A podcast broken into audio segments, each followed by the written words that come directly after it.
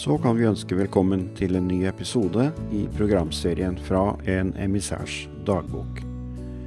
Der Kari Margrethe Renser Løvgren gir oss et tilbakeblikk på legmannsbevegelsens begynnelse, og hva dette fikk å bety for landet vårt.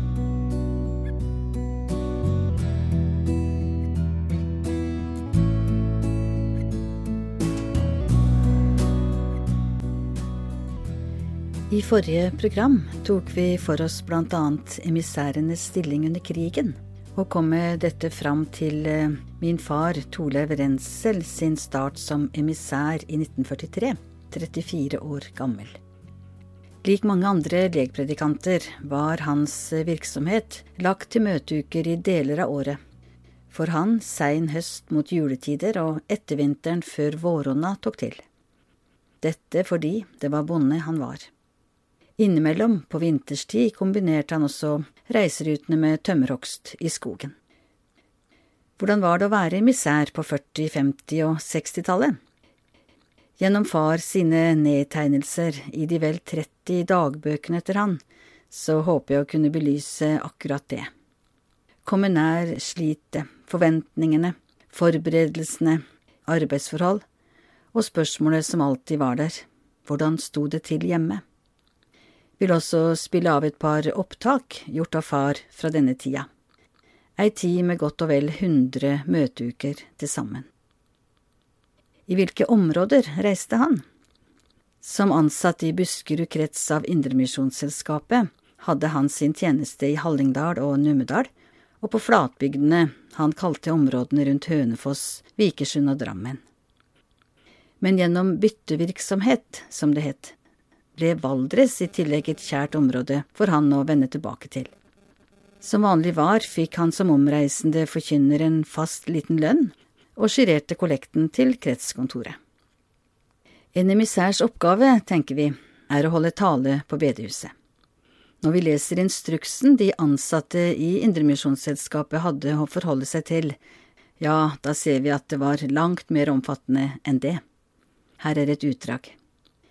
Emissærene er evangeliets budbærere, kalt og utsendt for å vinne sjeler for Gud, fremme godt samfunnsliv mellom de troende, legge for dagen det hellige alvor, der det like langt fra trykkende tristhet som fra et lett vesen, holde andakt for husets folk, skaffe seg tid til husbesøk og sykebesøk, utbredelse av for fattig og rik, pleie sitt personlige liv med Gud, så han alltid lever av og ved Guds nåde. Ja, en detaljert og rett på sak-instruks var dette her. Men hva med påbudet om å skrive dagbok og vise denne for presten, slik det tidligere har blitt fortalt? Utover på 1900-tallet så ble denne ordningen gradvis tatt bort. Den kjente emissæren Nils Lavik omtalte dagboka si som en god venn som hjelper meg i livsens strid. Slik var det nok for mange, og eh, på denne måten så fortsatte dagbokskrivingen, men nå på frivillig basis. Så til spørsmålet, hvordan tok de seg fram uten bil? I dagboka fra november 1944 skriver far. Drog heimanfrå til Ulnes, brukte spark fra Gol til Fagernes det er en strekning på nesten fem mil. Eller en februardag i 1958. Sparke over Vangsmjøsi åleine. På strenge vintre så kan vi bare tenke oss at uh, dette måtte bli kalde turer. Og det var det nok også da han fikk køyre med hest, som han skriver, i februar 1951, og så buss videre. Men ofte så måtte han ta beina fatt, som her, også i Valdres, tok turen med bøkene gikk over åsen fra Hedalen til Begnadalen. På bart føre er dette en tur på to og en halv time.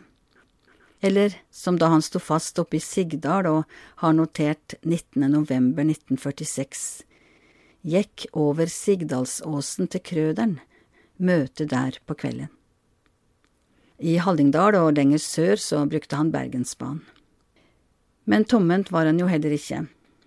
I misærveska med sangbok, bibel, blader og bøker, en liten koffert med klær og gitaren i tillegg.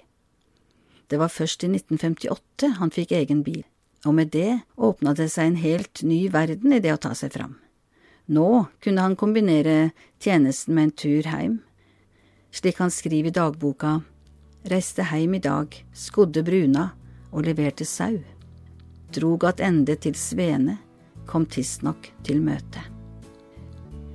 Unngå skinn av fordringsfullhet med hensyn til mat eller sengested. Det var også et punkt i instruksen for de omreisende med Guds ord.